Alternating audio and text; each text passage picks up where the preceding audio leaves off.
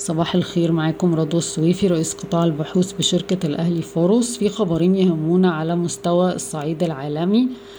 آه، وفقا لبعض بنوك الاستثمار العالمية وعلى الرغم من البيع الحاد اللي حصل في الأسهم والسندات والعملات في الأسواق الناشئة في عدة عوامل ممكن تكون حجة قوية لإعادة النظر بالنسبة لاستثمار الأجانب في الأسواق الناشئة. آه، العوامل دي هي أن التقييمات رخيصة جدا العوائد مرتفعة آه، اقتصاديات نموها أسرع من الدول آه، المتقدمة.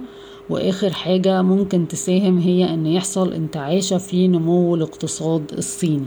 لو الأسباب دي كلها اجتمعت ممكن نلاقي إن حصل تغير آه، آه، وبدأت المستثمرين الأجانب تبص تاني على الأسواق الناشئة وده طبعا هيبقى تحول إيجابي بالنسبة لنا.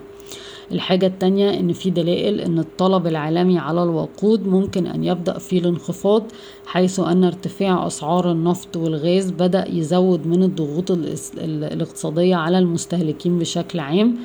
آه وطبعا آه لو حصل إن بدأت الأسعار العالمية آه للوقود تنزل والغاز تنزل بشكل عام ده برضه هيقلل الضغوط على الاقتصاديات المستوردة آه زي مصر. بيانات البنك المركزي انخفض آه، استثمارات الأجانب في أذون الخزانة لحوالي آه، عشرة مليار دولار في مارس وتسعة وسبعة من عشرة مليار دولار في أبريل انخفاضا من عشرين مليار دولار في فبراير. هي طبعا الأرقام دي متأخرة بس ده حسب الإصدار بتاع الأرقام إن هو بيطلع متأخر. الذروة كانت أربعة وعشرين مليار دولار في سبتمبر عشرين واحد وعشرين يعني خرج تقريبا من أذون ديون الخزانة حوالي 14.5 مليار دولار آه، إجمالا من آه، أعلى نقطة.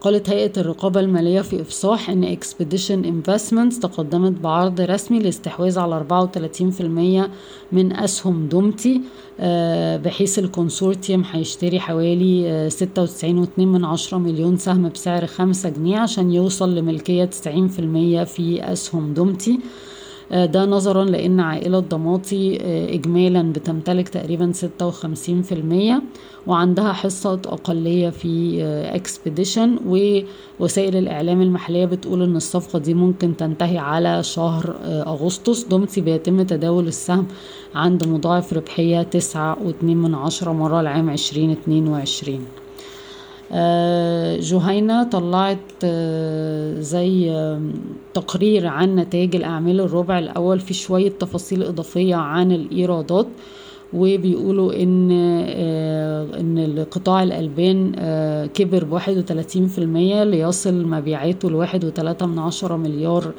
جنيه آه، وقطاع المركزات أو concentrates آه، زاد عن الربع اللي فات 42% ليسجل إيرادات 64 مليون جنيه وقطاع العصير هو اللي حصل فيه ضعف في أحجام المبيعات وانخفض مبيعاته عن الربع اللي فات حوالي 6% نتيجة المنافسة الشرسة وأثرت على الأحجام بتاعة المبيعات. القاهرة للدواجن أصدرت بيان أفاد إنها لم تتلقى أي عرض استحواذ بعد ما نشر في الجرايد إن المراعي بت... إن المراعي بتفكر تستحوذ على الشركة آه، في إطار خطط توسعها في هذا القطاع في مصر. شركة GB Auto برضو ذكرت في وسائل الإعلام المحلية إن مخزونها من قطع الغيار حوالي 3 شهور بعد كده هيكون في مشكلة لو ضوابط الاستيراد لسه ما اختلفتش. مدينة نصر مجلس الإدارة وافق على آه، الإطار للاستحواذ على مينكا و EgyCan. آه، بقيمة أقصاها 200 مليون جنيه وقبل كده كان في تقرير آه، إن القيمة 232 مليون جنيه فهي قلت شوية. وعائلة سلام هتستخدم عوائد الصفقة دي للاستحواذ على حوالي خمسة في المية من مدينة نصر. واشترت بالفعل ما يوازي خمسين مليون جنيه من أسهم مدينة نصر. في خبر في أموال الغد إن السويدي بتستهدف استكمال المرحلة الأولى من مشروع السخنة 360 بحلول عام عشرين خمسة وعشرين وده مشروع على آه، مساحة عشرة مليون متر مربع داخل المنطقة الاقتصادية لقناة السويس.